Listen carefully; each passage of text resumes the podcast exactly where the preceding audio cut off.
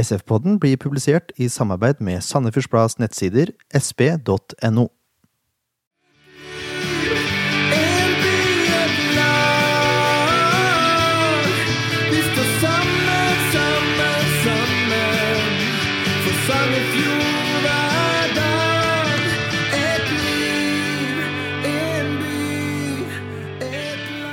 Yes! Velkommen til sesong to av SF-podden, er hva dere kaller det. Episode én i sesong to. Jeg heter Jørn Werner Horntvedt, og med meg har jeg Leif Tore Markmann. Hallo. Jeg har skrevet Ken Skalleberg. God kveld, god kveld. Og så var det så usedvanlig hyggelig sist han var på besøk, at vi, at vi inviterte Anders Hasle tilbake igjen. Takk for det. Jo, bare hyggelig. uh, ja, det blir gøy. Etterpå skal Anders lese opp eh, frisparket sitt. Ja. Eh, For de som ikke har lest det, så er det mye bedre å høre det fra forfatteren sjøl. Forfatteren sjøl som las. Jeg gleder meg. Jeg gleder meg allerede. Podium 2, det er ikke så mye nytt å komme med om oss også. Er, nå er vi tilbake for fullt. Helt for fullt. Hver serierunde, eller etter hver serierunde, så er vi på plass. Det eneste bekymringen jeg har for min egen del, er at uh, idiotene i TV 2 ikke lager kampene til uh, i Obos-ligaen utenom de som blir sendt på TV. Ergo betyr det at jeg får ikke sett kampen i opptak. Og det likte jeg svært dårlig. Så i dag er analysen av kampen veldig, veldig laber, for det gjør nå ikke sett den i reprise. Nei, den er ikke laber. Den er ikke det, vet du. Det er akkurat det som er poenget. Den er akkurat like bra som den pleier, så jeg skjønner ikke hva han piper etter. Nei, men eh, det gjelder spesielt spillebørsen. Da. Ja. Og der Ja eh, da. kan man fort rette opp mange ting hvis man ser kampen på nytt. Og man får et helt annet inntrykk på tribunen enn det man gjør på TV. Poenget er at vi syns vel kanskje det er litt tullete. At ikke de har muligheten til å ha disse kampene som ikke er direktesendte, i arkivet. Det er ikke bare tullete, det er helt håpløst. Samtidig, hvis vi skal tenke på børs, da, så betyr det at, at eh, børssettinga nå blir på samme måte som den jevne publikummer får, som sitter på tribunen. Eh, Publikum får bare sett den én gang, og nå får eh, vi sett kampen én gang, og, og dømmer etter det. Ja, det er for så vidt sant. Men jeg er ikke fornøyd for det. Ikke i det hele tatt. Eh, sendte en relativt krass eh, mail til TV 2 i går. eh, Og det er veldig ulikt meg. Fikk du svar, da? Jeg har ikke fått svar ennå. Det tar litt tid der inne. vet du. Ja. Sikkert mange som klager. Ja. Men det er jo hyggelig å sitte i studio. Det var ikke mange gangene i fjor. Det var et par-tre ganger hvor det var hyggelig å sitte her. Men nå Det var jo alltid hyggelig, selv om kanskje kampen ikke hadde vært så hyggelig. ja. Jeg syns alltid det var hyggelig å lage podkast, men, eh, men nå har vi virkelig Nå er det, er det virkelig hyggelig på alle mulige måter. Det har vel grunn til å være glad. da. Ja, det har vi. Vi vinner 4-1 mot Strømmen, altså. Toppe tabellen. Ja, det er derfor vi har en tabell. Det er for at Sandefjord fotball skal ligge på toppen her. Det,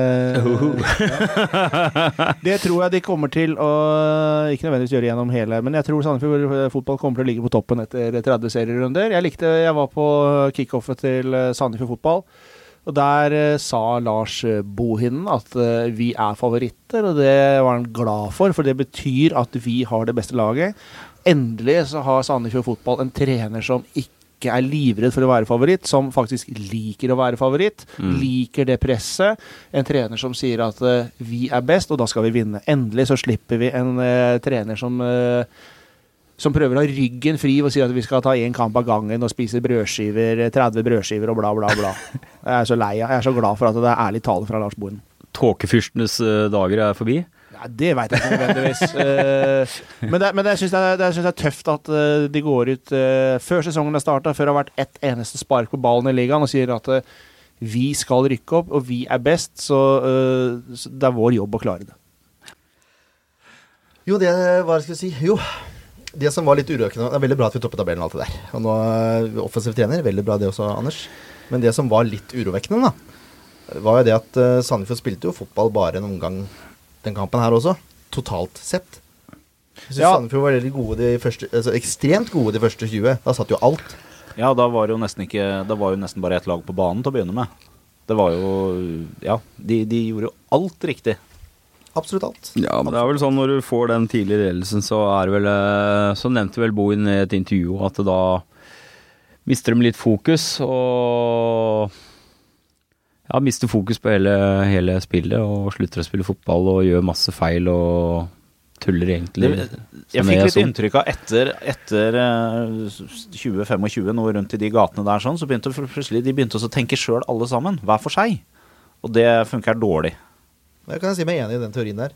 På, eh, lagpresset fungerte veldig veldig godt første, første 20 minuttene, og så plutselig begynte man å presse igjen og igjen. Ja. Sånn som man gjorde veldig mye i fjor.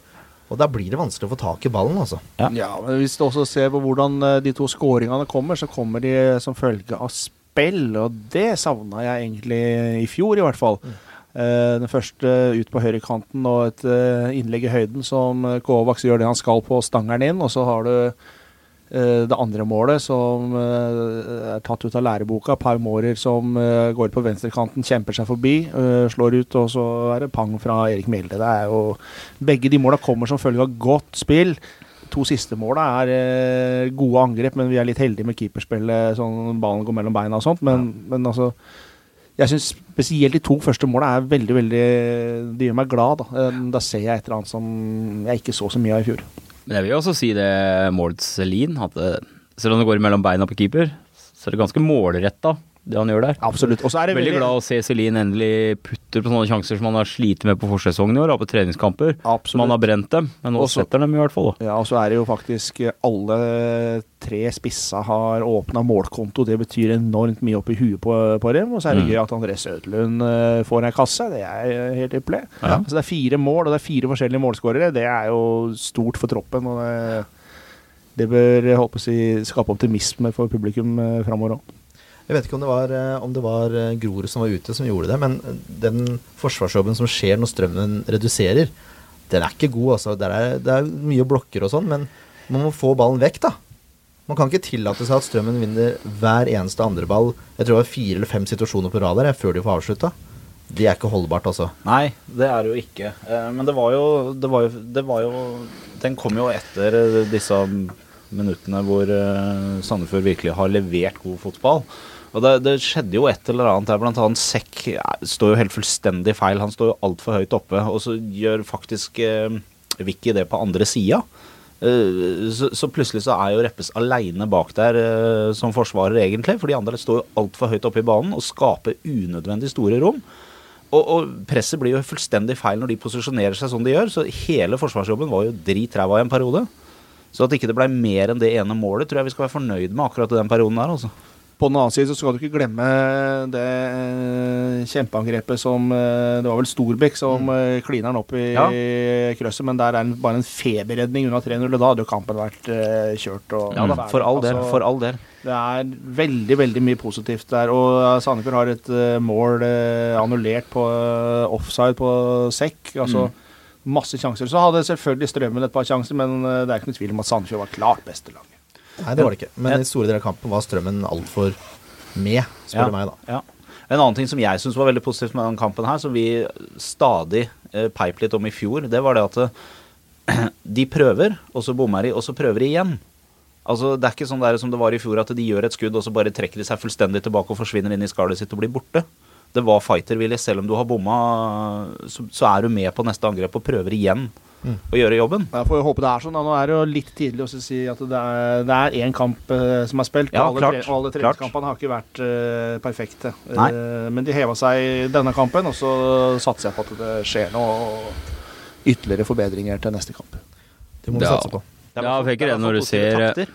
Ja, du ser jo helt andre takter enn du gjorde i fjor. Jeg virker som de er mer balltrygge. Selv om de har noe balltap som er ganske naturlig i første serierunde, så syns jeg de har heva seg flere hakk fra i fjor. Skal også sies at eh, Sandefjord eh, fotball har vel knapt noen gang hatt en spillertropp som på papiret er sterkere enn den de har nå. Signeringene som er kommet, er eh, vesentlige forsterkninger. Peter Kovacs er ikke verdens beste spiller, han, på noen som helst måte, selv om han er en av verdens største. Men han, men han, eh, han gjør det han har kommet for. Altså Når Kovacs står inne i 16-meteren eh, hos motstanderen, så må de legge et par mann på han, og da blir det plass til Mjelde, eller altså da blir det plass bak en. Og hvis han vinner på huet, så er det jo stort sett scoring, og derfor så er det en god signering. Håvard Storbekk, rutinert uh, spiller som, som tilfører løpskraft og smartness. eh, og så har du en keeper som er eh, aktuell, landslagsaktuell, EM-aktuell for Island. Det er klart han tilfører Sandefjord eh, fotball mye. Absolutt. Og uh, spanjolene, du verden. Ja, du verden. Det er, det er ikke lett å ta ut et lag for Lars i år. Nei, skadefri. Ja, det, det er et veldig positivt tegn.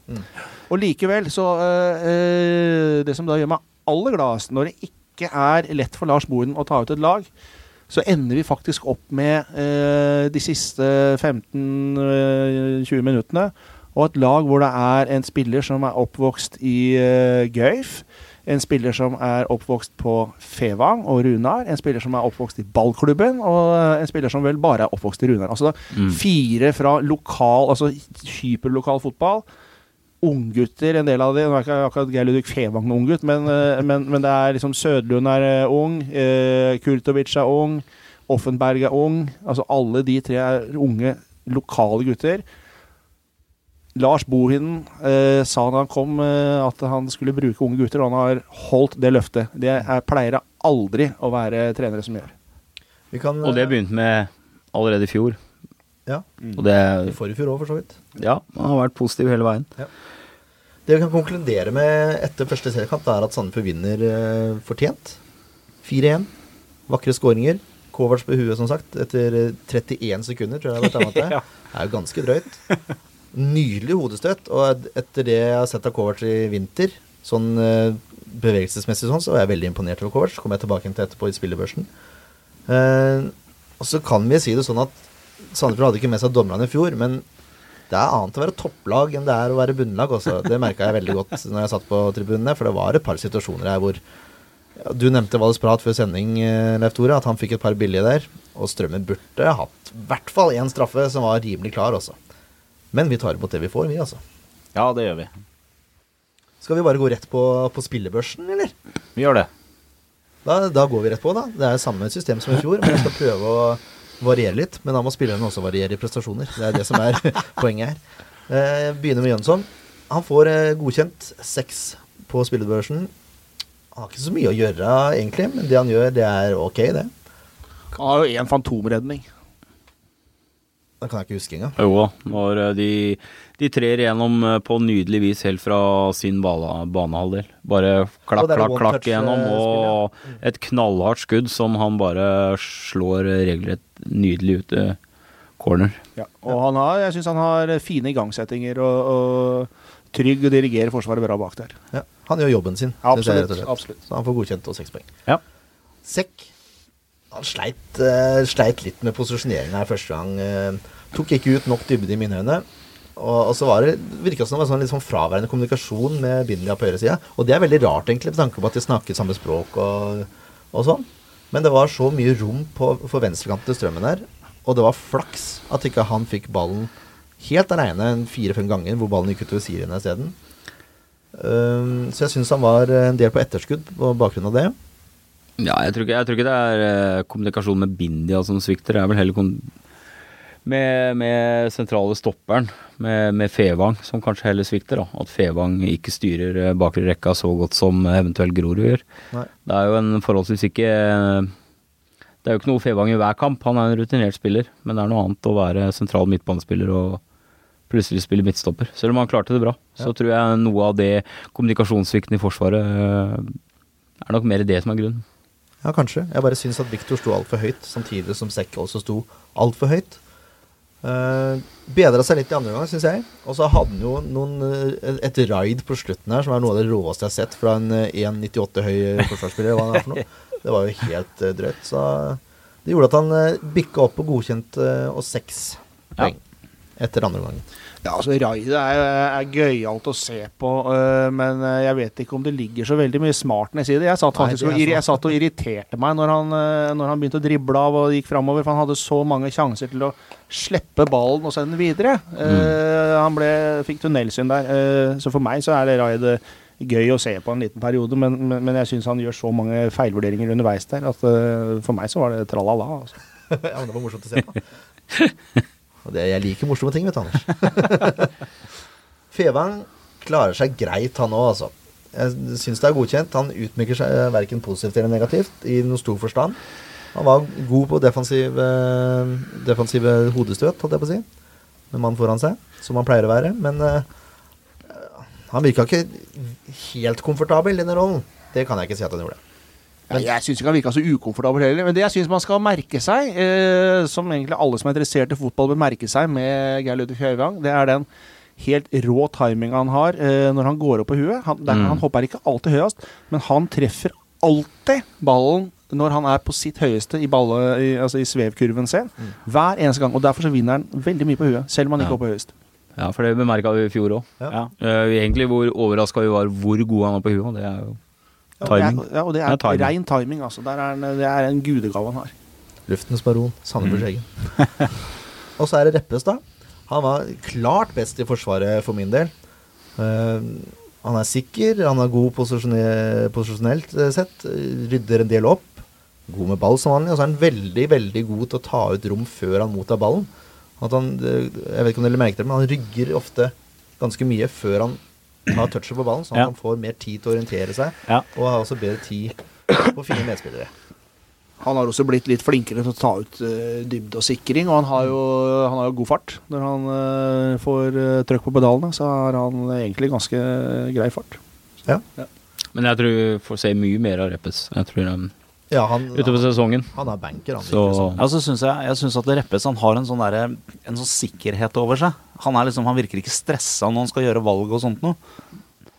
Sånn som noen ofte kan, kan være. Han er, burde fått en straffe mot seg når han dro noen motspiller. Så var han ute og kjøre i en situasjon helt på slutten her, hvor han ikke sender ball Eller han tar ikke imot ballen, han bare lar ballen sprette, og så får han nei, en angrepsspiller i ryggen og forbi seg. Men da redder Jønsen opp. Det er eneste grunn til at han ikke har fått åtte, så han får syv. Ja, det er greit. Ja, det er det. Bindia sleit jeg litt med å, med å sette noen karakter på, skal jeg være helt ærlig. Han endte opp på en syver, men han lå lenge og vippa på en sekker, sekser. Syns det var stødig. Så har han jo assist på førstemålet og et par gode raid. Han kjører samme finte, altså, hvor han header over forsvarsspilleren og løper rundt. Ja, den var lekker. Det gjør han to ganger. Det er, ja, fantastisk. Eh, Det er det med I første omgang, Man han sliter litt med eh, Jeg, jeg kaller det, Det, kommunikasjon, men han ligger for høyt. det var noe med høyresida som ikke stemte der. Altså. Ja. Jeg syns han kunne hjelpe oss ikke i større men det er for all del. Ja. Det er en av de bedre kampene jeg har sett den som wingback. Mm. Han får syver. Storbekk Altså, her er det en spiller da som jeg hadde enorme forventninger til, og som egentlig var ganske usynlig i store deler av kampen. Eh, samtidig da så har han jo noen enorme sjanser, og de siste 20 så er han fryktelig god, offensivt sett. Redder også en, eh, en ball på streken der. Og så har han et farlig frispark i andre omgang, som spretter foran keeper. Eh, Så han Jeg bare forventa så, så mye han. Jeg vet ikke hvorfor. Ja, men Han jobber jo utrettelig uten ball òg, da. Ja. Han er konstant jager og Så han er, nok, han er et stort uromoment for motstander nå. Så jeg syns kanskje vi skulle vippa han litt opp, ja, men Ja, jeg er også litt uh, uenig. Du virker litt negativ til Storbekk. Jeg, uh, jeg mener det er en av de bedre signeringene vi har. Og jeg, Ja, jeg mener også at han gjorde en eh, veldig god kamp. Han har så stor bevegelsesflate. Han uh, er nok en av de som løper mest utpå der. Så det ut for, for meg som, i hvert fall. Eh, og jeg Han er bidrar med både rutine og klokskap og og øh, som du sier, særlig mot slutten av kampen, altså når, liksom, når folk er litt nervøse på 2-1, da syns jeg han gjør en formidabel jobb i forhold til også, å trygge lag og så strø pasninger. Altså, jeg syns han var god, jeg. Det er altså ikke bare det med strø pasninger, men han er hele tida spillbar. da. Han er veldig flink til å gjøre seg spillbar. seg ja, han beveger seg hele tida. Er, derfor er han også spillbar hele tida. Ja. Selv om han ikke får ballen heller, så er han, han er der. Jeg, bare, jeg beit meg merke i at han sleit litt med touch og, og mottak i begynnelsen av kampen. Så jeg vet ikke om det hang litt igjen. Derfor ender det på seks. Men jeg er villig til å vippe den opp på en sjuer. Det er helt greit. så vi ender der. Storbekk for sju. Ja. Og så, da. Valles prat milde måne for en spiller, altså. Spesielt førsteomgangen. Og de snakker om Sandefjord var gode de første 20. Valles prat var helt enorm, spør du meg. Ja. Han var nesten alltid spillbar. Jeg tror, at, jeg tror jeg telte to feilpasninger i første omgang. Og så de dødballene hans er noe av det Det er noe av det bedre en SS-spiller har eh, gjort noensinne. Relativt presis. Ja, det var jo på prikken tre ganger på rad der fra, fra den corneren. Og alle dødballene hans var jo farlige. Altså, det var helt Det var en fornøyelse å se på. Og det er veldig viktig å ha en spiller som slår de ballene når du har, eh, når du har luftstyrken til Kovacs og Sekk inni der. Altså Det å ha det, eh, en sånn fot uh, som våpen er utrolig viktig. Jeg sa i stad at Vi Hadde to spillemål de to første måla, og så får vi faktisk Så satt jeg og håpa vi får et dødballmål etter hvert, og så fikk jo egentlig det, da, men så ble det avlyst. Ja, det ble riktig. Mm, Ja, mm. også, Dessverre. Ja, men det, Og hvem er det som slår det frisparket? Det er jo Valles Prat, det. Og han, han, han sikta på sekk alle gangene når han skru- skrur innoverskudd. Sekk på bakerste. Sekk kommer til å ende opp på fem-seks mål ja, hvis det her fortsetter. Nei, Jeg syns det var fantastisk. Han dabber av i andre omgangen. Blir sikkert sliten. Men i mine øyne så var han den desidert beste spilleren utpå der. For meg så er han ikke den desidert beste eh, spilleren utpå der. Til det så eh, blir han altfor usynlig i annen omgang. Eh, jeg hadde forventa mer av en spiller som har en fortid fra Barcelona. Ja vel. ja, jeg syns han var formidabel. Han får en åtter av meg. Men det jeg i hvert fall legger merke til med, med Prat, da, at han er veldig flink til som vi kanskje har mangla, i hvert fall i fjor. Da, en som styrer og en som snakker og, og dirigerer spillere. Eh, som også Storbekk gjør. Så har du da plutselig to som kan ta det ansvaret. Jeg syns vi har en strålende midtbane i Storbekk, Prat og Mårer. Jeg skjønner ikke helt åssen Fevang eh, skal komme inn, jeg skal være helt ærlig. Hvor skal han spille hen? Nå blir det sikkert skader og sånn etter hvert, da, men eh, Ja, det blir tøft. ja, der har Bohin et problem jeg er glad ikke jeg må løse, for å si det sånn. Så har vi Pau, da, nevnte Mårer akkurat. Jobber godt, har jo en fantastisk assist til Mjelde i første omgangen. Jeg syns han ble litt vag i posisjoneringa. Og så var han nede og henta ball en del. Og det, det bør være unødvendig som indreløper, spør du meg. Da Da bør du heller finne mellomrommet. Og det var mye rom som ble skapt Ja. på sida der, som ikke han utnytta. Jeg syns han var Sandefjords beste spiller de første 25 minuttene. Jeg syns han gjør enormt mye bra og riktig og beveger seg fint. og har, Det er jo han som egenhendig lager det første målet, nei, andre målet ved å uh, både stjele ball og kjempe, kjempe seg videre. og Går ned og slår inn eh, sånn at Mjelde får uh, foten. Nei, jeg syns han var strålende første 25. Blir litt borti andre omgang, men, uh, men eh, ja, jeg syns han var god også. Der, eh, når han får eh, på å si begge årene i vannet sånn rent fysisk. eh, Jeg tror han har mer å gå på fysisk. Så tror jeg, så Mm. tror jeg han eh, kommer til å bli en av de store overraskelsene i første divisjon. Ja, ikke for oss, da. Vi er jo ikke overraska at han er god. Nei, det er sant. Han, fikk, han får en sekser av meg. Han blir bytta ut etter ti, rundt timen også. Mm. Han var sikkert tom. Men for all del, han gjør veldig mye bra. Jeg bare jeg savna litt mer at han utnytta mellomrommet. Men han så veldig sliten ut når han ble bytta ut, og, og det er vel kanskje det som jeg syns jeg så på slutten i fjor, eh, i tillegg til at han faktisk putta litt og sånn også, det var jo at han, han, han er ekstremt arbeidsom. Han løper ekstremt mye for å prøve å rette opp både andre og egne feil, holdt jeg på å si, og, og gjenvinne ball og i det hele tatt. Jeg tåler nesten hva slags feil som helst, jeg, så lenge spillerne øh, gjør sitt ytterste for å rette dem opp igjen. Øh, det er egentlig det som er det letteste utpå der. Det er å løpe til det ikke er mer igjen. Mm. Og det, det krever jeg egentlig av øh, spillerne, og det ser jeg ikke av alle spillerne. Og derfor så, derfor så vil jeg, Det lille jeg har sett av Per Maarer, det liker jeg veldig Mm. godt. Er Helt enig. Mm. Han får godkjent og seks poeng. Uh, tror det blir blant de laveste poengsummen han får i år. Får håpe. Ja. Og så, da. eh, André Sødlund. Her uh, syns jeg det skjedde noe rart når, når publikum kåra banens beste. Det, det Uforståelig for meg. ja, jeg, jeg kan ikke Ja, skjønne det i det hele tatt. Jeg syns han sleit veldig med å komme inn i kampen. Han slo nesten bare støttepasninger. Virka litt sånn prega av stundens alvor, egentlig. Jeg var Ja, men- og så Men det sa han jo i et intervju etterpå. At Ja. han, eh, han uh, fant ikke rytmen i hele tatt. Da, I hele første omgang. Han sleit i hele første omgang med å komme inn i rytmen i kampen. Og jeg tror han var like overraska som oss, jeg, for å bli kåra til Til banens beste? Ja, det, jeg, jeg kan ikke fatte og begripe det. Den, den Sørlund jeg så mot Odd, og som også så eh, tendenser av på La Manga, det var jo en helt annen, for han turte å utfordre. Men det gjorde han ikke den kampen her. Nei, Altså. men kanskje det er den her ene kampen han må ha unnagjort først, da. Første seriekamp. Ja, Det er litt annet. Det er litt annet uh, som står på spill enn en treningskamp for en ung gutt som uh, absolutt. Så jeg tror Men jeg tror, jeg tror en av grunnene til at eh, publikum på, på stadion om søndagen kåra han til banens beste, det er at han er den hjemvendte sønn. Han har nå er vært ikke- et år ute. Ja, men du kan ikke si det, du, for det er det folk har stemt for.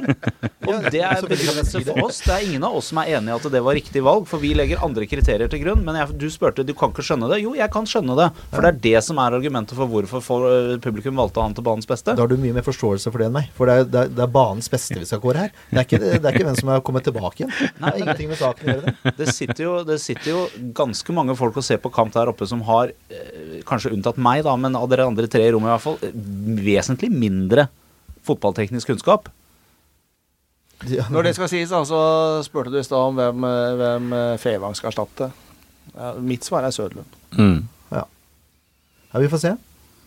Det, den Sørlunden her eh, som vi så i kampen, her, har ikke vært, er ikke representativ for det jeg har sett tidligere i treningskampene. Nei, det er jeg helt enig med deg. Jeg, Nei, for han har mista litt av den der råskapen som jeg har sett, som han ikke har hatt i fjor, da, men eh, heller i forrige fjor. Eh, som han tydeligvis har fått med å vært lånt bort. Eh, det jeg så den i oppkjøringa, så var det en, helt, en mye tøffere Søderlund enn det jeg har sett før. Og det, Ja. Nå var han litt tilbake til der vi har sett den før, da. Jeg håper jo det er noe pollett der som klikker ned i huet på, på han også, da, når, eh, i og med at han fikk den skåringa si, som sannsynligvis betyr veldig mye for en eh, så ung eh, gutt. Og han, han gjør jo veldig mye riktig der. Han, altså Avslutninga er ikke noe Det er ikke noe klasseavslutning på noen som helst måte, og keeper bør ta den, men Ja, men keeper tar ikke den, og det, det blir mål fordi han skyter. og Det håper jeg at eh, både han og eh, andre SV-spillere gjør oftere. Skyter. Og det gjorde de mye mer i denne kampen enn Mm. eh, de gjorde i Det er nesten like mange skudd i denne kampen som de hadde hele fjor.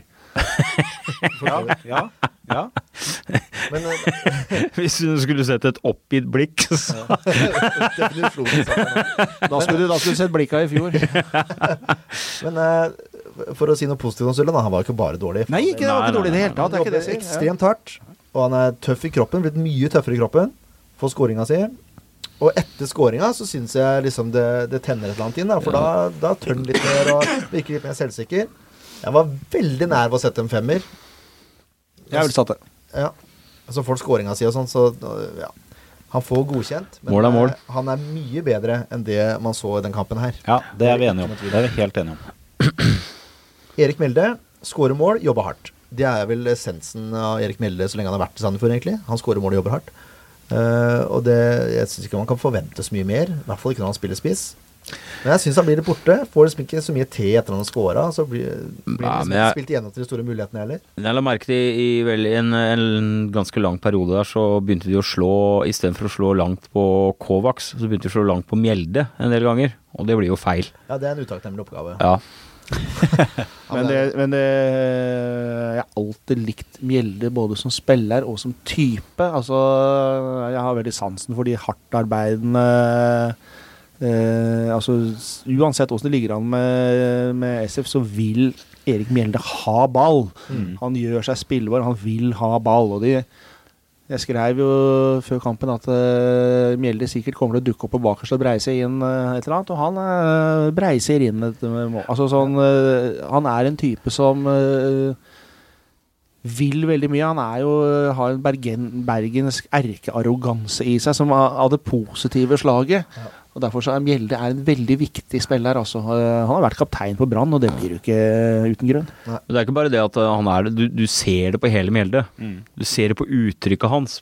Ja, han Du vil ser, det på, du ser at han vil. Det lyser av hele mannen at han vil. Og en sånn mann er veldig viktig for resten av laget òg. Med å dra med seg med den positive energien han har. Da. Jeg er helt enig. Han, han gjør det han skal gjøre. Han får godkjent av meg seks poeng. Eh, det er en mye sterkere sekser enn den Sørlund får. ja, for Han fikk fem av meg. Kovac. Jeg sa jeg, jeg forventa så mye av Storbekk og var nesten litt skuffa. Det motsatte kan man si om, eh, om Kovac. For jeg syns han eh, Du merka plutselig forskjell på hva en treningskamp er, og hva en seriekamp er. da. Og det merka du på Kovac, som er profesjonelt til fingerspissene, virker det som. Uh, han var mer, mye mer på. Han er ikke noe mobilt hurtigtog, for å si det sånn. Men eh, Mye masse som skal flyttes.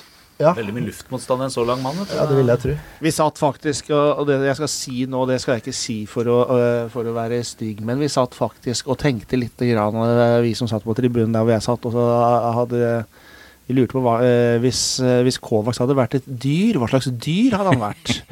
Og da, da, da, da veksla vi mellom sjiraff eller dromedar. For de som har sett sjiraffer og dromedarer løpe Det går altså, altså det, det er ikke akkurat noe kjapp frekvens, men det går relativt fort allikevel. Eh, og det, det, det er lett voldsomme klyv. ja, altså det, det er lett å si at det går for seint med han, men det går egentlig Han har så for enormt lange bein. Eh, så altså dromed, Dromedaren Kovacs, altså han galopperer litt sånn uryddig framover. Og han er ikke den raskeste spilleren utpå der. Han er ikke den beste spilleren utpå der, men han er en av de viktigste spillerne til Sandefjord utpå der. Jeg syns ikke han gjør en sånn veldig god kamp heller, egentlig. Eh, sånn fra publikums side. Men jeg tror han gjør en veldig god kamp ut ifra de oppgavene og de forutsetningene han får. For Kovacs skal altså inn i 16-meteren og trekke på seg et par mann. Det er, hvis jeg hadde vært trener, så hadde jeg i hvert fall gitt han den oppgaven. Du skal inn, du skal trekke på deg et par mann. Får du ballen høyt, så skal du stange den i nettet. og Hvis ikke, så skal du skape rom til de bak deg. Og det syns jeg Kovacs gjør. Ja. Han gjør den jobben han er satt til å gjøre, rett og slett. Ja. Enkelt og greit. Det, det jeg håper på, da, det er at lagkameratene spiller mer på hans styrker, og at de faktisk går på løp. Når de ser det kommer en langpasning da, mot Kovac, og du er indreløper eller, eh, eller kantspiller, så må du starte løpet i det eh, Gjerne før Kovac går opp. For Ja, han kommer da- mest sannsynlig til å vinne den ballen, Ja. og det må man lære seg. Da skal Mjelde og Sødlund og Mårer og Pratt eller Fevang eller altså hvem det er, de, de må komme og så plukke nedfallsfrukten. Mm, Ja. mm. Så, så enkelt er det. Og da blir den enda viktigere, hvis Ja. eh, lagkameratene klarer å tilpasse seg. det tror jeg vi kommer til å se mye av i år. Det tror jeg også. Jeg håper det. Jeg syns det var hakket bedre enn Mjelde, Han får en syver. Ja. Altså, jeg har tatt med to innbyttere. Kurtovic han kommer inn, han får ca. 25 minutter. Det er veldig rart det der at Sandefjord ble så sykt mye bedre de siste 25 minuttene etter, Eller de siste 20 da, etter Kurtovic kom inn. Jeg syns han, eh, han er helt enorm, jeg, de minuttene han spiller. Han har siste, begge de to siste måla. Har noen dragninger og finter som ikke han viste fram i fjor, som tydeligvis er innabords.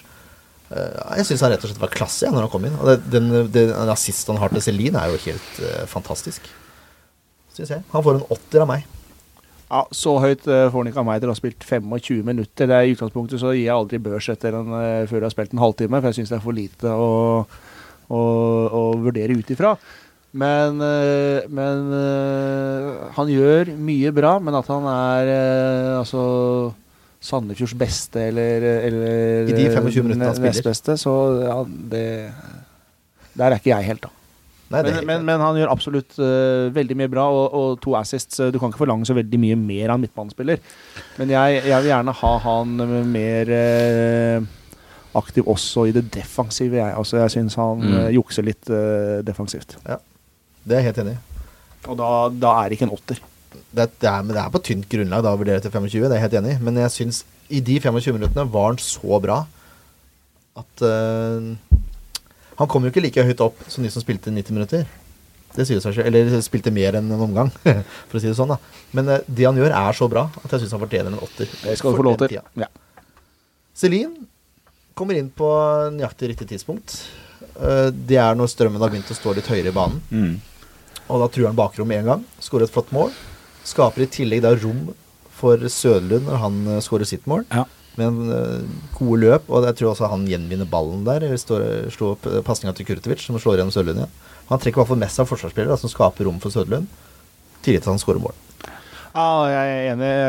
Celine er en spiller eh, jeg liker der framme. Jeg tror at Kovacs og Celine kommer til å være et eh, farlig Altså Celine har mye mer fart enn Mjelde. Celine har kjempefart. Mm. Men Mjelde er, eh, Mjelde er sånn eh, slu luring ja. som, Ja, som. Ja, jeg vil ha Mjelde på banen, så det er ikke lett. eh, Jeg klarer liksom ikke å bytte ut Mjelde med Celine. Men Celine er en spiller som Når han nå fikk dette målet sitt, så tror jeg han får senka skuldrene i forhold til hva han hadde i fjor. Mm. Lid forventer jeg ganske mye av uh, i år. Han er nok noen- sammen, sammen med Kovac, altså I Kovac så har vi noe som uh, Sandefjord uh, ikke har hatt egentlig kanskje noen gang. Altså et ordentlig fyrtårn. En som du veit er uh, ballvinneren der oppe. Mm. Og da, når han trekker på seg, så blir det rom til hurtige spillere. Helt enig. Det var noen i studio her som tippa Celine i blikket vårt mot Obos-ligaen. Jeg skal ikke nevne navn, men han sitter og prater nå. Uh, ja. Vi skal ha et sånn lite musikalsk avbrekk som vi pleier å ha når vi har ordinær sending, så nyt det. Da, mine damer og herrer, er det endelig litt musikk her i SF-podden igjen. Skulle det være sånn at dere kjenner noen, eller at dere er musikere som lager egen musikk, og som er fra Vestfold-området eller er bosatt her i Vestfold, vær så snill, ta kontakt med oss, så kan vi presentere dere så bra vi kan. Så får dere spille en låt her i SF-podden, vet du. Det er hyggelig for både dere og for meg. Ukens, eller dagen som du vil, uh, artist er en duo fra Tjøme og Nøtterøy som heter eh, Oskar og Jørgen. Det er en rapp- og sangduo. De ble etablert i 2014. De møtte hverandre på Skjærgården kulturskolers talentprogram, hvor eh, Oskar spilte klarinett og Jørgen sang. Jørgen ble invitert med i studio av Oskar for å spille inn en halvakustisk versjon av Carpe Diems Påfugl. Et par måneder senere gjorde de sine to første opptredener under talentprogrammets miniturné i 2014. Oskar og Jørgen synes begge at dette var noe å satse på, og bestemte seg for å bli en duo. Høsten 2014 fikk de fast øvingsrom på Haugarock, og allerede på andre øving begynte duoen å skrive egne låter. Etter en måned spilte de sin første konsert på Haugarock, hvor de urfremførte deres første egenskrevne låt. I desember 2014 ga duoen ut sitt debutalbum Vårt lille land. Samme dag spilte de også på Haugeroks årlige julerock. Albumet fikk senere god omtale i musikkmagasinet Black Moon. Sitat derifra sitter igjen med en opplevelse av at disse gutta er underveis, sannsynligvis på vei mot noe. Kunne være artig å høre en eventuell oppfølger. Det var det musikkanmelder Stian Søvik som skrev. I slutten av februar 2015 var Oskar og Jørgen på skoleturné for å promotere UKM i Vestfold. I tillegg deltok de på mønstringen i Nøtterøy kulturhus. De kom seg til fylkesfinalen, men det stoppet dessverre der. Oskar Jørgen spilte, unnskyld, Oskar Jørgen spilte også på gamle Omle under Tjøme storband sin Dansevårkonserts vennefest. Og dagen etterpå ga de ut sin nye singel Lever ut en drøm. Et av duens absolutte høydepunkt var da de kom til finalen i Vestfoldtalenter og fikk spille på Tønsberg Torv under Tønsbergdagen. Duoen fikk ingen pallplassering, men spilte ifølge dem selv bedre enn noensinne. I juni spilte Oskar og Jørgen under åpningen av det nye nasjonalparksenteret på Verdens Ende på Tjøme.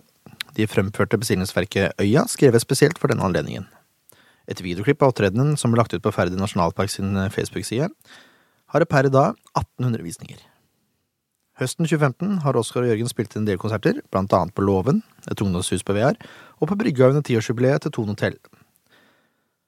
6. oktober kommer en ny singel med navn Våre ambisjoner. Eh, dette er en av de låtene som duoen har vært mest fornøyd med. De er nå for tida aktuelle i TV 2-konkurransen The Stream, hvor de deltar med låta Alt for meg. De jobber med sitt nye album, som blir utgitt i løpet av 2016. Og denne låta på The Stream er også den låta vi skal få høre i SF-poden, og hvis dere vil, og kan, så hadde det vært fint hvis dere gikk inn på thestream.no og fant Oskar og Jørgen, slik at dere kan eh, se videoen også. Den er veldig fin. Men her er altså Oskar Jørgen. Dette er Alt for meg.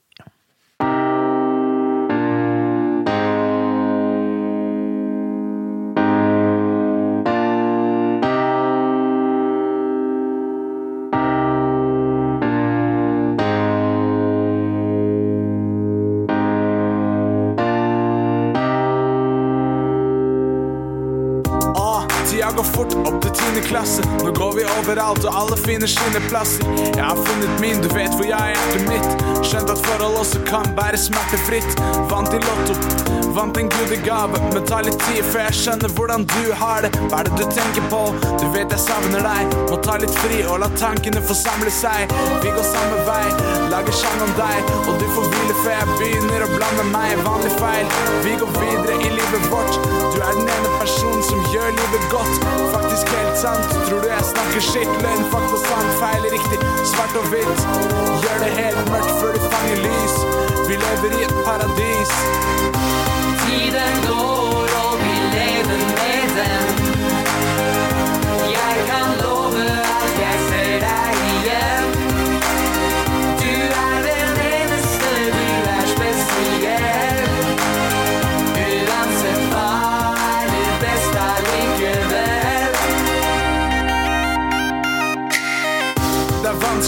Men jeg skal prøve litt åpen som Bibelen, får bare ta og gjøre mitt. Fra den første dagen da du ga meg søte blikk, Tønsberg på brygga, den lange veien førte dit. Fører til kjærlighet, så sånne møter gjør. Gjør det beste ut av det, jeg hørte før. Klisjé, ja det funker på alle måtene. Alle stunder klemmer, ikke minst alle låtene. Mange måneder nå, det har vært sykt bra. Venter bare på at det går over til en ny dag. Om du hører på, gi meg respons. Oss to for alltid, det kan funke. Let's go. Siste fire, musikken er min livsstil. Ord og melody beats, nå har du blitt min. Du betyr alt, livet er veldig greit. Og du vet at jeg elsker deg, takk for meg.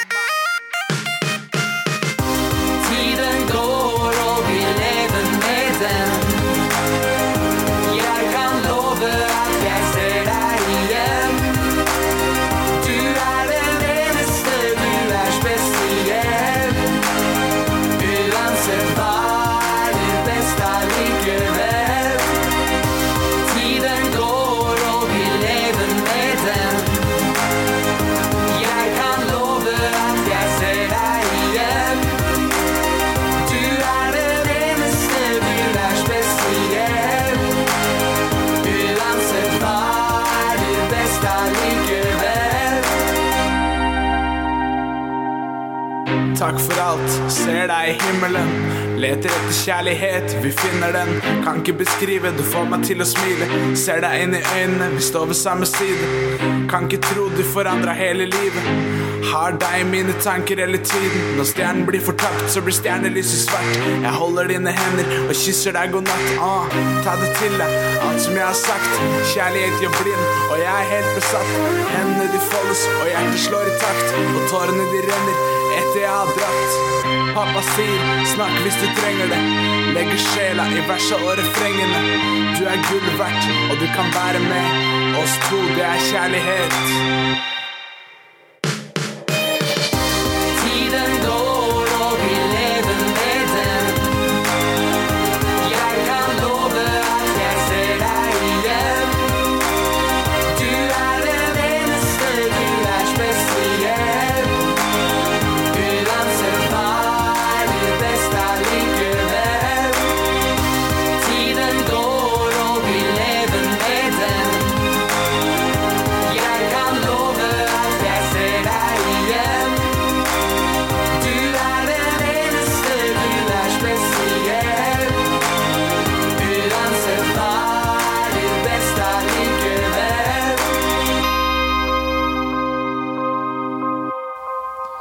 Jeg nevnte i innledninga at uh, Anders skulle lese opp sitt frispark. Hva er egentlig frispark, Anders?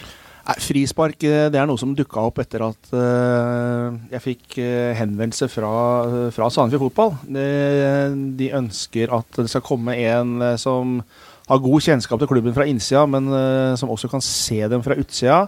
Og komme med noen betraktninger rundt klubben. Det, det har jeg sagt ja til, at det kan jeg være med på. Eh, det betyr at jeg kommer til å Noen ganger så blir det et kåseri, andre ganger så kan det hende at det blir en kommentar hvor jeg er kritisk til et eller annet, eller roser et eller annet. Eller det kan komme, komme et slags journalistisk eh, produkt eh, fra innsida av garderoben, eller fra rundt andre temaer i Sandefjord Fotball som jeg kommer opp med. Så jeg håper folk som hører på, gjerne gir meg tips om hva jeg kan ta opp, hva jeg bør mene noe om, eller andre ting. Ja. For sånn eh, jeg forsto det nå, så er det sånn at du har lyst til å Eller vi har spurt deg pent, da, om du kan lese inn dette her eh, som lydopptak, og som vi kan ha en fast spalte i podden med deg som eh, leser opp deg sjøl. Jeg kan i hvert fall eh, prøve å få det til eh, så godt det lar seg gjøre. Jeg er, eh, jeg er lærer på Tor, Heyerdahl videregående skole i Larvik, så jeg har ganske heftige kvelder med rettebilder og sånn. Og det er også grunnen til at jeg har sagt til Sandefjord Fotball at jeg kan ikke garantere regulariteten Nei. i dette her, men jeg skal prøve å få til før hver hjemmekamp. Det kan hende det kommer noe uta, utafor det eller utover det også. Veldig spennende. Da gleder vi oss til å høre på det første frisparket til Anders Harstø. Vær så god. Ja, dette, dette ble jo da skrevet før sesongåpninga, og eh, det var da mens vi alle satt og venta og gleda oss til dette fotballhysteriet som, eh, som eh, starta nå, da. Eh, og det heter da 'Det er noe med fotball'. Hva er denne kriblinga i kroppen egentlig? Er det seriestarten? Er det guttene? Jeg veit ikke, jeg. Fotball og øl er liksom en guttegreie. Men jeg liker ikke øl. Jeg syns damer har like mye på og rundt en fotballbane å gjøre som gutter. Gravemaskiner og damer er for øvrig også en guttegreie. Jeg kan egentlig ikke så mye om noen av delene. Det faktum at jeg er gift med ei dame, har ikke endra på det faktum at jeg ikke kan så mye om damer. Ikke har jeg peiling på biler, jeg kan ikke sette opp en lettvegg, og har ingen mulighet til å dra en trall på gitar. Jeg kan rett og slett ikke så mye om disse guttetinga. Da står jeg igjen med fotball. For det er noe med den ballgreia, og nå er den snart der igjen. Fotballen, altså. Nå starter de snart. Jeg veit faktisk ikke hva det er. Egentlig er jo orienteringsløper av hjerte, om enn ikke av kropp. Likevel er det noe med fotballen. Det er noe med denne laggreia som griper meg. Dette jaget av elleve mann med felles mål om mål. Det er noe med ut med dommeren og inn med Reppes. Det er motstandermøkk og knottesko, sklitakling og herregud da, mann, skyt! Det er noe med intensiteten. Og det er i hvert fall noe med det når intensiteten ikke er der. Altså, jeg mener, hvor vanskelig kan det være å gå i press? Hvorfor tømmer de midtbanen, for helvete? Hallo! Løp! Det er noe med det å bli forbanna offentlig. Det er noe med det å rive seg i håret, frustrasjonsklype seg i låret. Har du trent, eller? Gjør som jeg sier, da! Det er noe med følelsen av å sitte der på sidelinja og vite. Jeg mener vite, ikke mene. Vite hva som må gjøres. Om det er Skrede, Nordli, Dokken, Todesen, Walker, Sandstø eller Bohinen som står der på sidelinja, er meg likegyldig. Hva veit de om dette? Jeg, som ikke har sett et spark på treninga i år. Jeg, som ikke kjenner oppgavene spillerne har fått ute på banen. Jeg, som ikke aner noen vondter våre egne har, eller motstandernes kvaliteter og svakheter. Det er jeg som kan dette. Det er jeg som veit hvilke ballmønstre gutta bør kjøre, hvilke løp som bør tas, og hvilke taklinger som skal takles. Det er noe med å vite at det ikke er landslaget til Norge som spiller, men SF. Det er noe med at det heldigvis er Bohinen og ikke Høgmo som har lagt taktikken. Det er noe med trua på å bli underholdt og kunne glede seg over at det er et godt resultat og diggbart spill. Det er noe med det der, altså. Det må sitte der på setet mitt, en grei langpasning unna motstanders 16-meter, og vite nøyaktig hva de burde gjort, guttene, like etter at de ikke gjorde det. Og det er noe med det å se et kontant brudd i ballbanen av Reppes, en nydelig dragning av Fevang, en millimeterpasning fram til Mjelde, som bare dukker opp på bakre og breisier inn den første goalen. Men det kan godt være Kovacs, Mårer eller Storbekk. Samme for meg, bare de scorer. Men det er noe med det. For da gjør de akkurat sånn som jeg sa til Siman at de skal gjøre. Det er noe med det å se gutta skåre mål. Så er det noe med det. Før første spark er tatt, før første kamp er spilt, før første poeng er delt ut. Det er noe med det ikke å vite hvordan de andre laga er. Hvordan strømmen kommer til å se ut i år. Er det en svak strøm, eller er det en sterk strøm? Det er noe med å håpe at i år I år blir det jaggu meg bra. Det er noe med drømmen om at i år I år er de trent bedre. I år er det nye spillere her. I år vant de en treningskamp. I år, i år er tilskuerne med. I år er gresset grønnere, grønnere enn i fjor. I år Ja, det er noe med det. Det er noe med å gå og vente på at portene åpner, og ikke bare høre at vi er blå, men kjenne det. Det er noe med å kjenne familiens sesongkort i lomma, gå mot arenaen og treffe venner i området. Det er noe med å være en del av den greia der. Oss mot dem, de blå mot røkla. Det er noe med at det bare er to dager igjen. Gleder meg, jeg. Til gleden, frustrasjonen, jubelen, skåringene, de heroiske opphentningene, de håpløse tilbakespilla, redningene, frisparka, korta, disposisjonene, prestasjonene, diskusjonene. Det er noe med det. Er det ikke det? da? Det er det, vet du. Det er noe med å høre en ordmagiker lese sine egne ord også. Det skal bare sies. Fantastisk bra. Fantastisk bra. Takk. Ja, nydelig. Det var helt, Ja, jeg koste meg første gang jeg leste det. Det var eh, morsomt. Et kjempeinitiativ. Jeg har jo savna Anders i avisa siden han slutta, og det var jo friske innspill. Ja, det er jo ikke alle som har, det alle savna meg etter at jeg slutta. Men eh, noe av grunnen til at Sandefjord Fotball eh, ba meg eh, om å skrive, før, i hvert fall før hver hjemmekamp, det er at de ønsker mer diskusjon og debatt rundt Sandefjord Fotball. Eh, denne gangen så ble det et eh, slags kåseri. Andre ganger så, så kan det bli friskere og, og tydeligere meninger. Hensikten er å skape engasjement rundt klubben, og det håper jeg at jeg skal klare å få til. Det tror jeg absolutt. Før Anders eh, leste opp eh, sitt frispark, så hørte vi forresten Oskar og Jørgen med 'Alt for meg'. For å gjenta det. Ja. Yes. Vi, vi har jo starta med noe nytt i år. ja. Vi, vi har lagt ut en egen poll hvor våre lyttere kan eh, få lov til å stemme på den de mener var SFs beste. Jeg skal se åssen det går nå etter bortekampen, hvor mange stemmer vi får da. Om vi bare skal kjøre etter hver hjemmekamp, for det er sikkert lettere for folk å få med seg. Men uh, nå fikk vi 69 stemmer. Det er et veldig godt tall i utgangspunktet. Uh, og der er folk enige med meg, altså. 26% av stemmene gikk til eh, Henrik Walles prat. Uh, og så er folk ikke enige med meg, for de har André Sørlund på andreplass med 23% av stemmene. Det tror jeg kan ha mye med at uh, folk går i flokk. Når de får høre at Sørlund er banens beste, så er det nok mange som, som vil stemme sånn. Mm. Jeg vil rose, rose lytterne våre, også, som tenker likt. Ja. um, Pamore kom på tredjeplass i kåringa med 12% Og så har du Sekk på 10% Kurtovic på 7 Det er tynt grunnlag, jeg er enig i det, i ettertid. Men jeg tok den med. Jønsson og Binda fikk 6% hver. Mjelde 4, Fevang 3. Reppe, Skåvert og Storbekk fikk 1% av stemmene. Det er jo faktisk eh, tolv spillere som har fått eh, stemmer. Eh, det betyr at publikum ser kampen ulikt, og publikum har meninger om dette her. Det er noe Sandefjord Fotball bør uh, bite seg merke i, sånn markedsmessig i hvert fall. Uh, det betyr at det er stort uh, engasjement rundt her. Så kan man si at det er, det er litt synd at ikke det er eh, noen som stikker mer ifra. Fordi man trenger spillere som står fram og, og virkelig markerer seg. Samtidig så, eh, så er jeg veldig glad da for at det, dette er en lagseier. Det er altså fire spillere som scorer. Det er eh, spillermål eh, vi får der, og vi får eh, et annullert eh, offside-mål, altså så- noe dødball og det er altså Det er så mye bra å bygge på i den kampen her at eh, Ja, jeg tror vi det skal bli jeg, jeg klarer ikke nå å se hvem som er Sandefjords klart beste etter 30 kamper, i hvert fall. Nei, det vet vi jo Det ikke. er mange, men det er mange kandidater til den eh, ut ifra den kampen som var nå. ja, absolutt.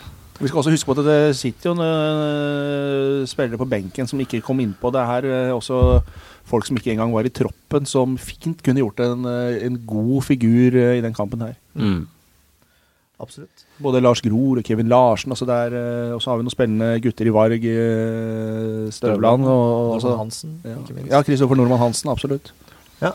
Veldig morsomt at uh, vi fikk uh, oppimot 100 stemmer, i hvert fall. Jeg kaller det oppimot 100, jeg liker å runde litt oppover. Men uh, det var første gangen. Jeg, jeg ble veldig glad jeg, for at det ble et engasjement rundt det. Veldig bra. Ja, det er godt initiativ. Ja. Må skryte av seg sjøl òg, det er bra. Ja, skryt av deg. Jeg har ikke noe med det å gjøre. Nei, så det var bra, Jørn. Kjempe, og veldig ryddig lagt fram med bilder og hele pakka. Så, Ja, det var veldig bra. Jo takk, det tok sin tid å finne HTML-kodene der. Det tror jeg på. Og jeg tror, jeg tror faktisk at det kommer til å fungere godt på bortkamper òg, for jeg tror interessen i Sandefjord nå er såpass stor at det er, det er mange som abonnerer på Sumo her, også. Ja, det håper jeg. Og det, det sier jo litt òg når man har nesten 3500 tilskuere i Obos-ligaen. Det var Synes det er bra, ja. tilskuere mindre hos oss enn det var som så landslaget. På Ullevål. Det er ikke så rart, for det var eh, tusen ganger morsommere å se på SF enn å se på Norge. Ja, det er helt klart. Vi hadde flere tilskuere enn f.eks. Bodø hadde i Ja. Tippeligaen. Ja. Så dette lover godt. Måtte det også fortsette, ikke Ja, minst. absolutt. Jeg syns det var veldig sånn eh, spent stemning eh, blant publikum òg. Det var liksom eh, Satt litt inne der òg. Ja, Man visste jo ikke hva man skulle få se. Nei, det, så det var liksom litt sånn føle og ta på, kjente jeg, når, når eh, spillerne entra banen. Og det var liksom lå et sånn lokk av usikkerhet over hele stadion. Det er lenge siden. Tida har gått Ja. så sakte på en søndag for min egen del. Altså. Ja. Og det er lenge siden. Det er kamp neste uke også. Det Det er det. bare å rydde i hagen, så går tida seint. Jeg, om- jeg tror faktisk tida har gått fortere nå, men det er noe annet. Det er, det er som sagt kamp neste uke også. Da er det Levanger på bortebane. Levanger, ja. Det er, det er ikke akkurat verdens navle, Levanger. Har Nei, men, men jeg har vært der eh, mange ganger. Ja, Jeg har faktisk ikke Jeg har ikke vært på Levanger eh, og løpt der, så jeg har ikke vært på Levanger fotball. men Jeg har vært i Levanger og løpt dette NM med orientering, men det er liten relevans nå. Eh, men Levanger er Det er et, et meget spennende lag som Der bør man Det skal du ikke ta lett på. Blant annet Jo Sondre Aas, uh, gamle SF-spilleren. Eh, Levanger tror jeg kommer til å overraske litt i år. Trondheims uh, lag de har jo masse masse spillere å ta i Trøndelag, så Levanger er gode. Og jeg, Fått inn Magnus Powell som trener. ja. Men jeg så kampen mot uh, de spilte mot Fredrikstad, og det er et fysisk sterkt lag. Det er mye sterke spillere der, ja, og, og samtidig så Nei, de gjorde ikke seg bort på noen som helst måte. Eh, Nei. og slo jo Fredrikstad, som kjent. Ja, jeg tror de ligger under. De leda Ja. først 1-0, og så leda Fredrikstad 2-1 til pause, og så snudde de den til 3-2. Veldig sterk prestasjon. Vi kan ta litt uh, bakgrunnsstoff, holdt jeg på å si. De endte på niendeplass i Obos i fjor, og de vant de fire siste kampene. De har mista en del spillere, bl.a. Vegard Bråten og Ivar Rønning. Bråten gikk tilbake igjen til, til Alta, sånt, i hvert fall tilbake nord, der han hører hjemme. Ja, men det er der han er fra, vet du. og så mista de fem andre spillere til, som ikke jeg har hørt så mye om. Men de har henta inn solide forsterkninger i Jo Sondre Aas og Vegard Wold. Og også noen ukjente kort for meg i Starkemeyer og Astvald. Og Astvald er visst tenkt til en startplass, så han burde være bra. Jeg så på Twitter at jeg hadde fått litt kritikk fra ukjent kilde om eh, for mye bruk av svensker. Så de om det. Uh, Men det er også litt rart, vet du. Uh, Det husker jeg fra, fra tidligere i Sande, Sandefjord fikk kritikk for at de henta folk fra Afrika og uh, Altså utlandet, eller alt som var på utsida av Sandefjord, var utlandet. Ja. Tidligere så var det som var Tønsberg, så var utlandet. Altså, har du på deg den blå drakta, så er du Sandefjord-spiller. Men så er, er det selvfølgelig sånn at du skal ha en lokal forankring. Eh, og det har Sandefjord klart nå. Og det, det er- Levanger er et lag med, med flere trøndere på, på banen. Og det er klart, da må de tåle at det også er noen eh, andre der. helt enig. Men det er jo sånn som i Fredrikstad, når de starta nå sist, var det bare Begby som var eh, fra området. Resten er proffer. Skal jo ikke lenger tilbake enn et par-tre år, så var det ikke en eneste sandkuling på Nei, det er sant.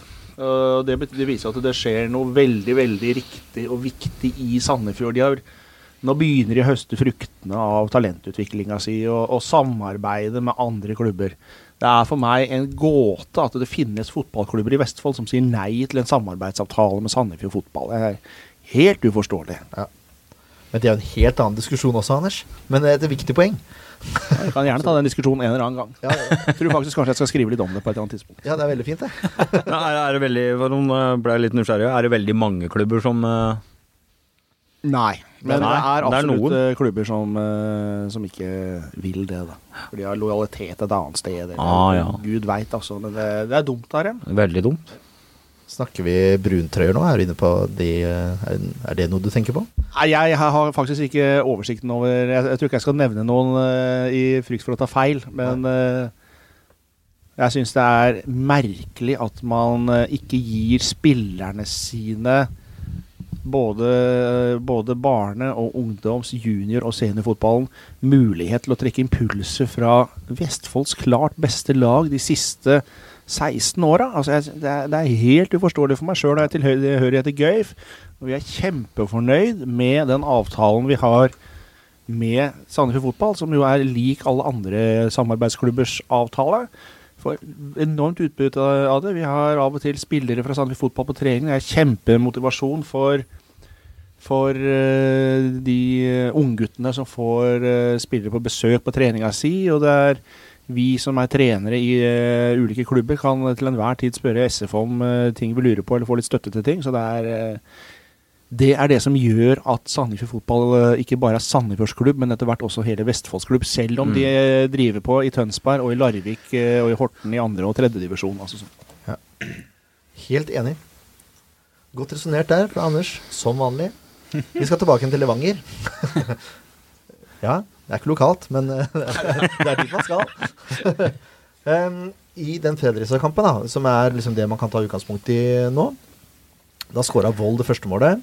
Han som kom tilbake igjen, Ventesønnen er han kalt. Et rasist fra Jo Sondre Aas. Og så har vi da storskårer Bendik By, da. Han putta de to siste. Uh, og Sondre Aas hadde også assist på den ene av de, så vidt jeg kan huske. By skåra 15 mål i fjor, og hadde to assist. Han er angrepsspiller, står opp på hjemmesida, men jeg har sett at han spiller mest eh, kant eller offensiv midtbane. Unnskyld. De har et veldig godt lag, altså. Eh, kanskje burde det blitt litt mer fokus Eller kanskje vi burde hatt litt mer fokus på de i blikket vårt mot Obos. For de har profiler som Ørjan Hopen, Per Werner Rønning. Benjamin Stokke spiller fast. Han er spiss, også en gammel samfunnsspiller. Mm. I tillegg da til, til By og Johs Jo Sondre Aas, blant annet. Det er et meget spennende lag. Altså Både Hopen og Stokke og Aas er jo øh, spillere som øh, bør være kjent for sandefjordinga. Altså Hopen er jo en klassespiller oppi, Ja. oppi huet mitt. Han var Levangers Ja. beste i fjoråret, ifølge mange. Ja. Eh, er ikke tiltenkt eh, startplass nå, virker det som. Ja, Det er litt rart oppi huet mitt, men jeg kjenner jo ikke til noen ting av verken av troppen til Levanger eller øh, hans form. da men, Nei, men i hvert fall det jeg har lest, er at Powell ikke har eh, vurdert han som god nok til å stille. Så da bør de erstatte Da er han sikkert er- ikke det heller, Nei. Eh, sannsynlig lagoppstilling, for å ta det. Mest sannsynlig en 4-4-2 eller en 4-2-3-1. Det er litt sånn uh, av og på. De spilte 4-2-3-1 nå mot FFK, men har spilt mye 4-4-2 før det. Malmberg er i mål fordi de førstekeeperen er skada. Den tror jeg er rimelig bankers. Så har vi Sørmo, Berger, Per, Werner Rønning, gamle Rosenborg-spilleren, og Nilsson. Så har du en ung spanjol som eh, er teknisk og kjapp, så vidt jeg kunne skjønne. Lopez. Og så er det Petterson og Vold, da, som uh, scora mot FFK. Han kan kanskje bli bytta med Asfalt, som har tenkt en plass i startelveren.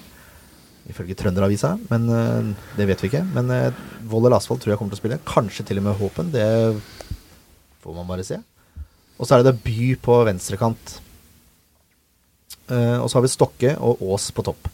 Det som skjedde mot, eh, mot FFK, var at Jo Sondre Aas spilte spiss aleine, og så hadde han Lopez, By og Stokke bak seg. Mm. Men om det var fordi de var på bortebane, eller hva det var, det vet jeg ikke. Men det kan fort skje. Det er skade på rygg, som er førstekeeperen. Håpen og Asfalt er litt usikre. Håpen hadde brekt tåa, derfor ikke han var med i troppen mot FFK. Uh, Asfalt hadde en strekk, tror jeg. Ja. Spillere som opp for. Ørjan Hopens venstrebein er jo godt. Altså, det, det er det ikke noe å legge skjul på. Må tråkke på tåa. Ja, skitten. Nei, men altså, han har et veldig godt skuddbein og frisparksbein, og eh, også en god pasningsfot. Så spørs det om han spiller, da. Men han er en spiller man må passe på, og spesielt By. Og så, jo, Sondre Aas tenker jeg er spiller man må passe på også. Benjamin Stokke er jo sånn Han, han kan jo plutselig skåre mål. Altså Plutselig kan være usynlig. Benjamin Stokke er jo stor og sterk, og i tillegg eh, så er han utrolig seriøs i treningsarbeidet sitt. Jeg, noe av det som er han er en av de spillerne som har imponert meg mest av de, som, av de unge gutta som har vært i Sandefjord noen gang. For Benjamin Stokke han fant ut at han ville bli raskere, da tok han på eget initiativ eh, kontakt med Jeg husker ikke hvilken eh, sprinttrener det var. Om det var eh, Olav Magne Tverrå eller altså, Jeg husker ikke hvilken Men en av de kjente sprinttrenerne i Norge. Og ba om å få lov til å komme inn der og trene med han eh, en gang i uka over en eh, lang periode. Det fikk han selvfølgelig lov til. Eh, det sier noe om holdninga hans og det han driver med. Han ønsker å utvikle seg, han ønsker å bli bedre. Nå har ikke jeg sett Benjamin Stokke på mange år. Men sannsynligvis så har han, altså når han har den tilnærminga som ung gutt, så har han sannsynligvis ikke blitt noe dårligere siden han var i Sandefjord. Og han er jo utrolig sterk i kroppen. Jeg husker jeg så han eh, avgjorde en kamp for Sandefjord borte mot Halden, en cupkamp helt mot slutten, hvor han bare brøyta seg eh, plass og banka inn ei kasse som gjorde at Sandefjord videre. Så han er en farlig spiller altså for Sandefjord. Ja. Og Levanger er som sagt Det er litt sånn Det, det kan være jokeren i årets Obos-liga, altså. Ja, jeg frykter faktisk kanskje det. Det Kan Jeg bli tror- årets jerv, for å si det sånn. Ja, Ja, det kan det faktisk Mm. fort bli. Uh, Sandefjord har mange tøffe kamper nå i starten, så det er veldig spennende å se nivået. Likevel så skal Sandefjord ta den uh, kampen her. Eh, Sandefjord uh, Altså Lars Bohin Han sa jo at Sandefjord har det beste laget, og, og dette er en kamp hvor eh, det er fullt mulig å bevise det, da. Ja. Samtidig så kan du ikke gå i kjelleren hvis eh, Sandefjord ikke klarer det, men jeg tror og håper og mener Sandefjord skal klare dette her. Og det laget som skal klare det, det skal vi ta ut nå. Jønsson er vel bankers mål? Åssen er det med, for å ta det Grorud, er han eh, skadesituasjon? Han Noen er, som vet han har noe? strekk, så jeg tror ikke han er tilbake nå. Han trener lett, eh, ble det sagt på Det var vel på kickoffet. Eh, Det blei nevnt, det. Så jeg tror han er tilbake. Det jeg snakka med, det var derfor jeg Det ble ikke nevnt. Jeg snakka med Grorud. Det var sånn det var. Uh, han trener lett, så mulig han ikke er klar til neste uke, men han er nok uh, ganske snart tilbake. Jeg tror de snakka om at han kunne være klar til tredje, tredje runde. Ja, det Mm. stemmer vel det, da. Mm. Da tar vi utgangspunkt i at Grorud er ute igjen. Ja. Så da regner jeg med at det blir samme backtreer som mot, mot Strømmen. Ja, det tror jeg er naturlig å tenke seg. Med Sekk, Fevang og, og Reppeskår. Mm. Er vi enige i det? Kjør på. Ja, enig, ja. Nei, ja. Ja, det er ikke så mye alternativer. Uh, Jeg kunne godt tenkt meg- Jeg kunne godt tenkt meg å Nå er vel ikke Kevin Larsen i sin beste form heller, men eh, Nei. jeg kunne godt tenkt meg å flytte Reppes inn i midten, ja da. Men eh, da sliter vi jo på venstresida. Ja. Jeg kunne også godt tenkt meg Vicky ned. Ja. Men det Nå vet ikke jeg åssen Sekk Nå kjenner ikke han god, godt nok, men eh, Men han Sekk er vel ikke så noe sterk på huet at jeg tror jeg er nødt til å ha han der. Ja. For dødballet kan fort være avgjørende i kampen mot Levanger. Ja, nei, jeg tenker på venstresida, ja. Ja, Jeg- Ville du satt Offenberg inni der, eller? Ja, vel ikke noe utprega venstre han heller, men uh, jeg ser for meg Reppes da som en, en eh, tryggere dirigent i midtforsvaret enn en, uh, Fevang. Ikke noe, jeg har veldig sans for Fevang, også, men han er ikke midtstopper. Uh, så jeg, Jeg vil ikke sette Reppes inn i midten. Nei. Nei. Anders har talt. Ja, jeg har talt, men dere kan jo tale annerledes. Men også, jeg er helt enig med Anders på en måte. Han fungerer veldig bra på venstre òg. Ja. Jeg vil, Uh, jeg vil egentlig ha samme backrekka. Sånn ja, eh, det er nok det som kommer til å skje. Ja, Og Fevang jeg. Var ikke dårlig. Nei. Det var han ikke. Da sier vi det. Sekk, Fevang, Reppeskår. På midtbanen, da. Da spiller vel mest sannsynlig Victor Demabindi, ja. Det er det vel ikke noe tvil om. Og jeg tror også at Håvard Storbekk burde ha en plass, også hos oss. På samme plassene. Ja, Ja, Som høyre wingback Høres fornuftig ut å prøve det en gang til. Altså, det var ikke noe katastrofe, selv om det var noen ting som ikke stemte helt. Så var det ikke noe katastrofe. Nei. Og så lenge Fevang er midtstopper, så bør jo i banens beste, i mine øyne, spille på samme plass som sist. Valles Altså Valles Prat. Mm. Og Pau Mårer må jo spille. For han er i utgangspunktet en av de farligste spillerne Sandefjord har. Er vi enige for så langt, eller? Ja. Ja. Helt enig. Når ikke vi sier noe, så er vi enige. Jeg tror ikke vi skal endre så veldig mye. men Det er kanskje én endring. Det får vi se når du kommer til. Ja, det er Sødlund som jeg egentlig står og Nei, egentlig, det er to stykker som jeg står og tenker litt på nå. Men eh, kanskje Sødlund skal få sjansen? Ja, jeg syns jo det er dumt å, å Altså I utgangspunktet øh, så ville jeg satt inn uh, Nordmann Hansen, men, øh, men jeg har jo ikke sett dem på trening. Jeg har ikke, altså, ikke sett dem på Jeg har sett dem på én trening, Eh, og i én kamp, så jeg har egentlig ikke grunnlag for å ta ut den ene eller andre spilleren. Men i utgangspunktet så tenker jeg jo at øh, øh, Altså jeg mer Jeg, syns han er litt for lite fart og litt sånt. Så jeg, jeg, hvis jeg skulle tatt ut noen av dette laget, så, øh, så ville jeg tatt ut uh, Sødlund. Men de vinner 4-1, og Sørlund gjør seg ikke på noen som helst måte bort. Jeg ville stilt med akkurat samme laget, hvis ikke det skjer noe på treninga. Ja. Jeg vil ikke gi Sørlund sjansen, også, for jeg tror han kan rette opp mye inntrykk av det han ga meg, i hvert fall første seriekamp. Ja, det han har ikke gitt noe dårlig inntrykk, da. Nei, nei, Nei, for, på langt nær. Men jeg tror han kan gjøre det mye, mye bedre. Ja, men da, da sier vi Sørlund, da. Ja. Så er greia da eh, Spissene jeg vet ikke om jeg vil kjøre det samme, men jeg vet ikke om jeg vil bytte ut heller. Eh, Sandefjord er på bortebane. Jeg vet ikke om Levanger kommer til å trykke på oss og gå hardt ut og stå høyt. Jeg er ganske sikker på at de ikke kommer til å trykke hardt ut. Jeg er ganske sikker på at de møter ei Berlinmur eller eh, altså en trønderblokk eller hva, et eller annet baki der. Nøtt av Kovacs.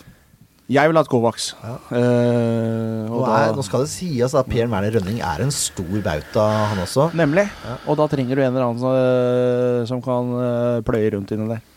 Uh, Sandefjord har ikke hatt en eh, ordentlig sånn svær kødd, unnskyld uttrykket. en uh, ordentlig ja, branne, da, en murbrekker framme.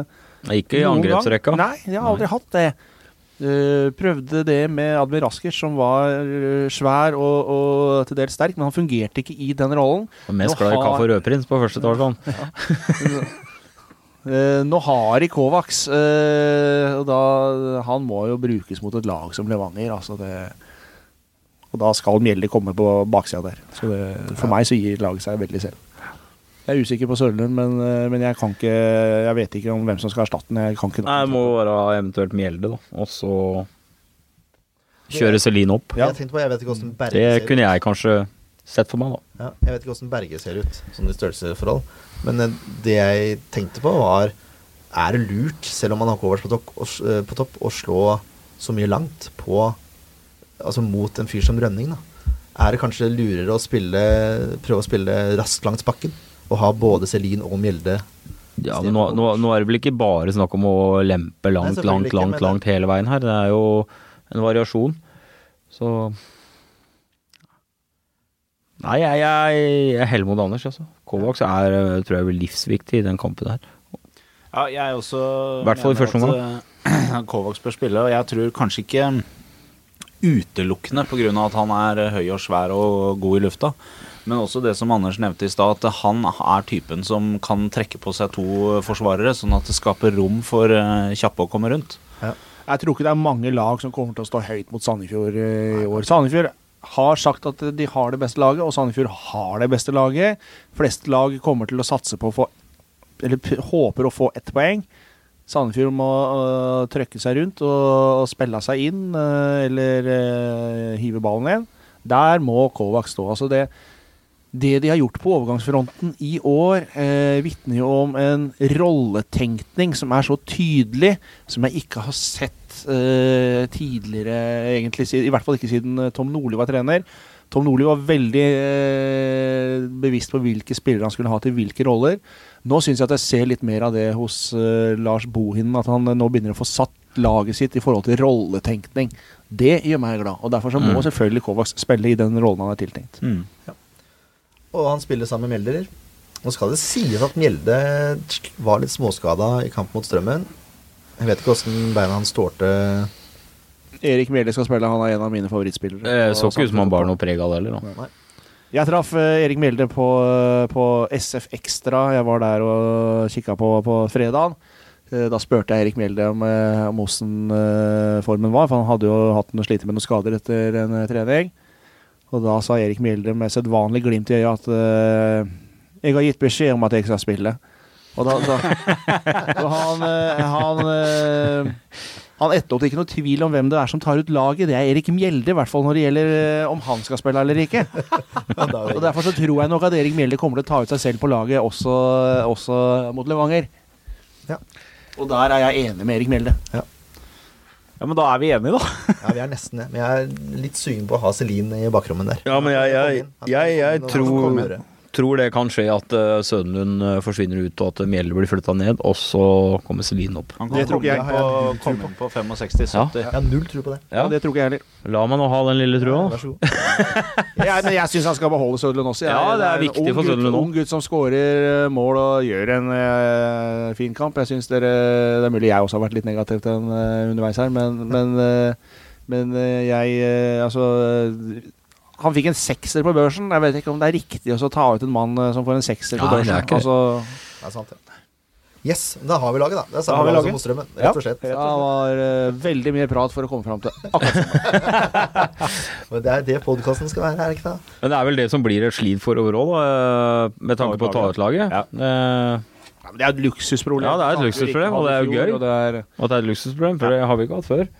Men det er jo også det, nå er skadesituasjonen eh, ganske bra. Det kan fort endre seg, og da blir det et eh, problem å ta ut laget for å, å komponere det. Mm. Men jeg har dem jo veldig god trening nå, da, komponere et lag med ut ifra skadesituasjonen.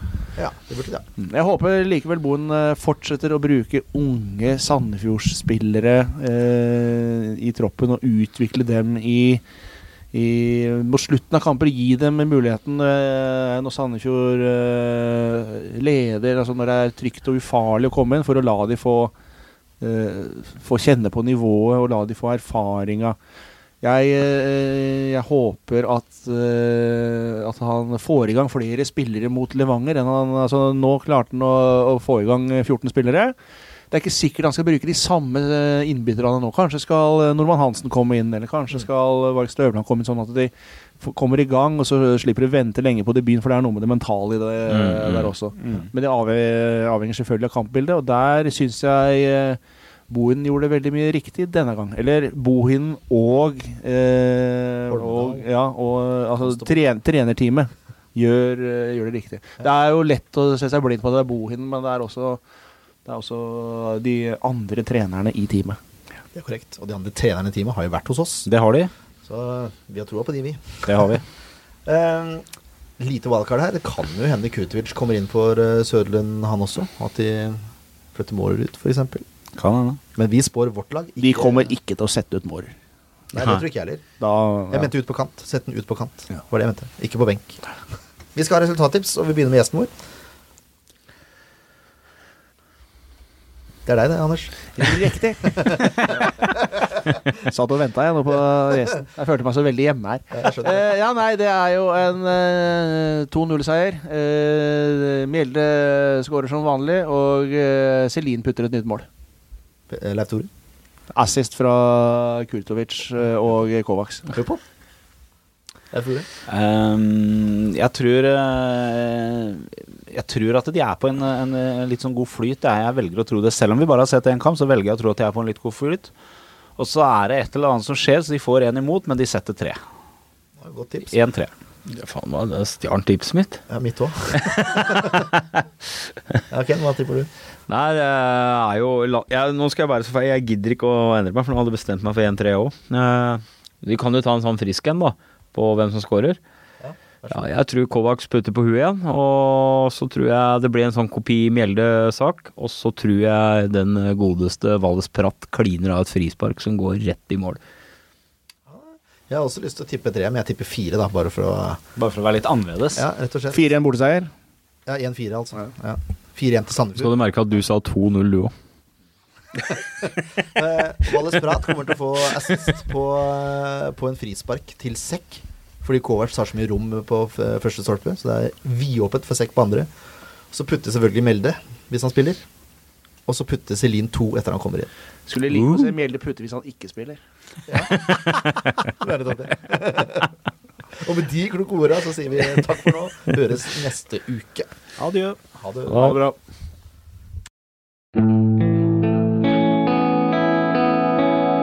Podkast av Blanke ark medieproduksjoner.